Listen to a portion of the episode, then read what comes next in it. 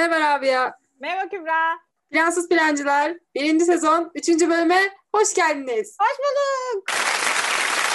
Ee, ve başlayalım. Başlayalım. Bu bölümde Yıldız Teknik Üniversitesi'nde hazırlık senemizi nasıl geçirdik onu konuşacağız. Dinliyoruz. Evet, Çok Başlayalım. Rabia. Peki üniversiteyi kazandık ne oldu Rabia? Ne yaptın sen E, mesela? Üniversiteyi kazandık. Bölüm %30 İngilizce olduğu için bir hazırlık okuman gerekiyor ya da öncesinde bir hazırlık sınavına giriyor. Biraz internetten okudum. Herkes Yıldız'ın e, İYS sınavının çok zor olduğunu, geçilemeyen bir sınav olduğunu söylüyorlardı. Sınav zaten çok zormuş. Ben zaten geçemem. Neden bir gün tatilimden olayım ki dedim ve ben sınava girdim. Sanırsam kadar yaptığım en büyük hataydı. Ben hiç girmedim. Yani bence yapabileceğiniz en büyük hata olur. Bir sınav ne kadar zor olursa olsun Hele Yıldız Teknikse hiç yani İngilizcesini hiç yani büyütmeyin. Hiç büyütmeyin gözünüzde. Ben sınava girmedim. Dolayısıyla en alt kurdan başladım. Gerek liseden gerek ortaokuldan bir şekilde bir İngilizce seviyesiyle gelmişim. Belli bir seviyedeydi. Kitapçı elime aldım ve evet ya A, B, C, D vardı ilk üç sayfada. Ondan sonra emizar. Derslerde biraz sıkılmaya başladım. Çünkü çok önceden beri bildiğim şeyler. Hazırlık senemi kendimi dinlendirmeye adadım. Film izledim, sinemaya gittim. Aslında şöyle şeyler yaptım. Ben işte C kurunda kendime bir şey katamayacağım İngilizce anlamında. Bu sefer kendim bir çaba harcadım. İngilizce romanlar aldım. Takip ettiğim yabancı dizileri önce İngilizce aldım ardından altyazıları kaldırdım. O şekilde izlemeye devam ettim. Bence bu çok büyük fark attı. Ve Şubat ayındaki İYS ile ben geçtim. Ee, Ben hazırlık sınavına girdim. Hazırlığı bir ihtimal geçebileceğimi düşündüm. Yıldız Teknik'teki bir ihtimal ama. Sonra 60 ile geçiliyordu. Ben 52 aldım. Ya hazırlık da bayağı keyifli başladı. Ki biz nasıl tanıştık? Lisedeki sınıf arkadaşımdan kuzeninin de aynı yeri, aynı bölümü kazandığını öğrendim. Ve e, çok samimi olduklarından bahsediyordu ve birkaç kere de fotoğrafını gösterdi. Ben böyle gibi ben Kübra'nın bizim bölüm kazandığından bile haberdardım. Benim bildiğim tek şey tercih döneminde Ebrar'ın e, hani liseden bir arkadaşının da şehir ve bölge planlamayı yazdığını biliyorum sadece listeye. Bu kadar. muhabbetlerde Rabia'nın adını geçirdiği için de bir de aynı bölümü kazanmıştı. Çok merak ediyorum. Kim bu Rabia?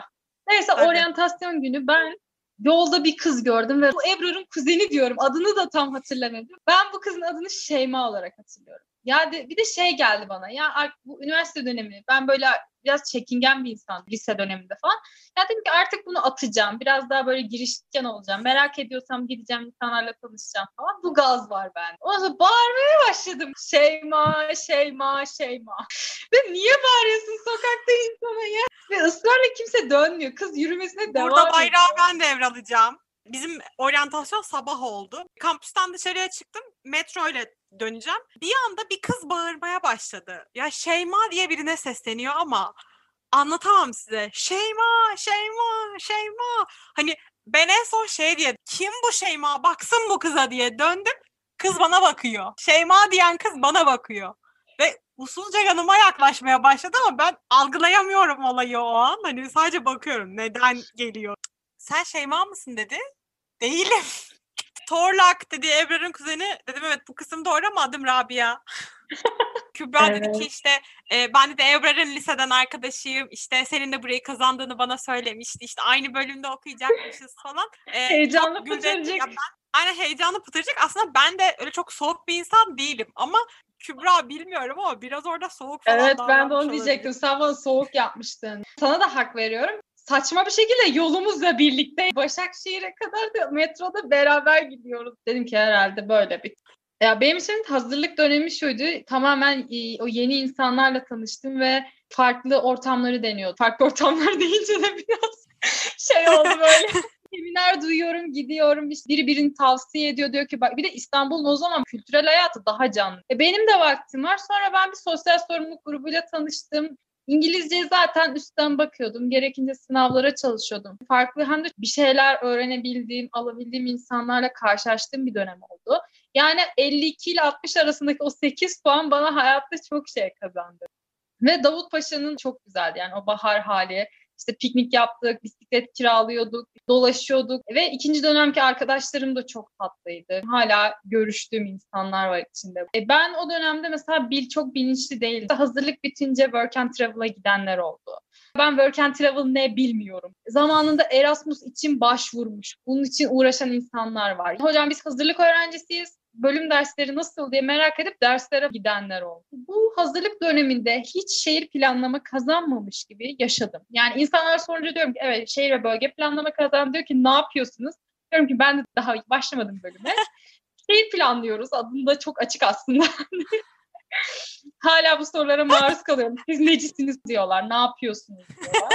Neyse hayatımın komple değişti. İstanbul'a aşık oldum. O tempoya, o hareketliliğe. Lise boyunca kendimi çok ifade edebildiğim ortamlarda bulunamamıştım. Üniversitede tam onun göbeğine düştüm ve yani gerçekten burası kaderimde varmış ve benim öğrenecek çok şeyim varmış. Bu şehir beni çağırmış, ben onu çağırmışım bir şekilde. Ama deseniz ki e, şu an, şu zamanda baksan İstanbul'da git güzel vakit geçir derim. Ama gidin o dönemde yurt dışına çıkma fırsatımı keşke oluştursaymışım.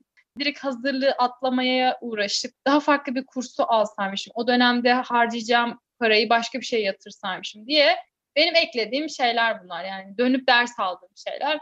Ama keşkelerin yanında da iyi kilerim çok çok fazla. Böyle tanımlıyorum ben. Sen ne düşünüyorsun Rabia? Ee, ben de aynı fikirdeyim. Hani ya hiç düşünmedim. Dediğin şey çok doğru. Ben bilmiyordum. Evet hani daha başlamadım bölüme diye cevap veriyordum. Şehir ve bölge planlama ne diye sorduklarında. Keşke biraz okusaymışım. Şimdi geriye dönüp baktığımda benim de söyleyebileceğim eğer ya o bölümü okuyacağınızı biliyorsanız o bölümü araştırın. Kübra'nın dediği gibi gidin birinci sınıf derslerine girin. Hocalar kim öğrenin. Kitap alın. Yani artık aslında ee, ya çok güzel şeyler yapabiliyorsunuz. Bana mesela Instagram üzerinden çok yazan oluyor. Bu cümleyi Evet. kurduğuma inanamıyorum şu an. Tercih döneminde 5-6 Evet. kişi sordu böyle. Yani Birbirlerine bana kopyalayarak böyle gönderdim yani. Hani her şeyle açıklamaya yani bana da çok soran oluyor. Hele bu sene mesela şeyi de 3 kişi e, henüz hazırlık seneleriymiş ve bu benim çok hoşuma gitti. İşte bölümle ilgili bir şeyler merak ediyoruz. Sen nasıl bir şey? Biraz anlatır mısınız falan diye mesaj attılar. Üçüne de anlattım meseleyi. Sonrasında da şey dedim hani ben bunun acısını yaşadığım için onlara söyledim. Ama dedim bölüm çok okuma gerektiriyor. Çok okumalısınız. Evet, çok araş. İsterseniz size kitap önerisinde. Ya üçü de seve seve çok isteriz dediler. Ben de bahanemdeki kitaplardan gönderdim. Velhasıl İstanbul'da olmanın havasına kapılmıştım. Ama oraya bir amaç için gidiyorsunuz. Yani okul için gidiyorsunuz. Ee, sanırım söyleyecek başka bir şey yok. Bu Evet bölümde Rabia. burada bitirelim. Hoşçakalın.